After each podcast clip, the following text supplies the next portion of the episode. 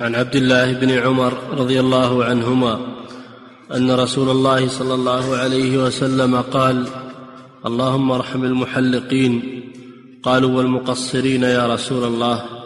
قال اللهم ارحم المحلقين قالوا والمقصرين يا رسول الله. قال اللهم ارحم المحلقين قالوا والمقصرين يا رسول الله. قال والمقصرين. نعم. الحلق أو التقصير نسك من مناسك الحج أو العمرة. قال الله تعالى لقد صدق الله رسوله الرؤيا بالحق لتدخلن المسجد الحرام إن شاء الله. محلقين رؤوسكم ومقصرين لا تخافون. هذا في عمرة هذا في عمرة القضية بعد الحديبية.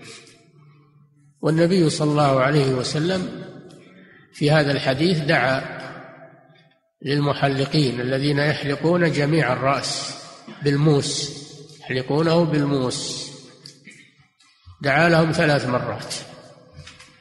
ودعا للمقصرين مرة واحدة وهم الذين يقصون شعر الرأس ويتركون بقيته يقصون أعالي الشعر ويتركون بقيته. فالذي يحلق أفضل من الذي يقصر والتقصير جائز ومجزي.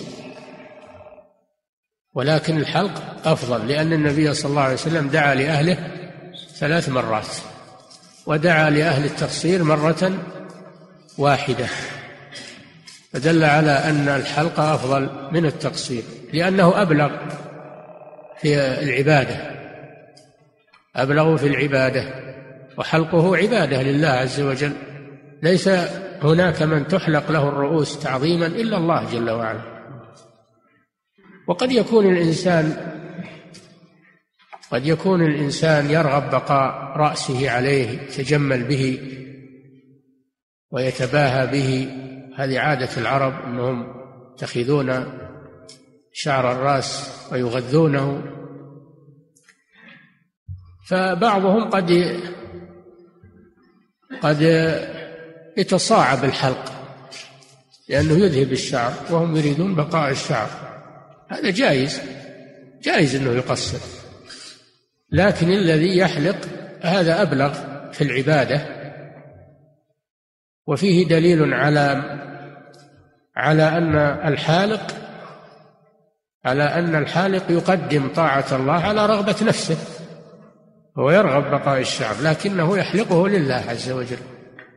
فيقدم ما يحبه الله على ما تحبه نفسه. هذا وجه كون المحلقين أفضل من المقصرين. ثم لا بد أن نعلم أنه لا بد من حلق الرأس كله ولا بد من تقصيره كله. فلا يحلق أو يقصر بعضه ويترك بعضه. لأن بعض الناس يقصر من جانب من الرأس ويترك يترك البقية. هذا لا يجزي. لأن الله جعل التقصير بدلا من الحلق. فكما أن الحلق يعم جميع الرأس فكذلك تقصير. وأيضا محلقين رؤوسكم ومقصرين.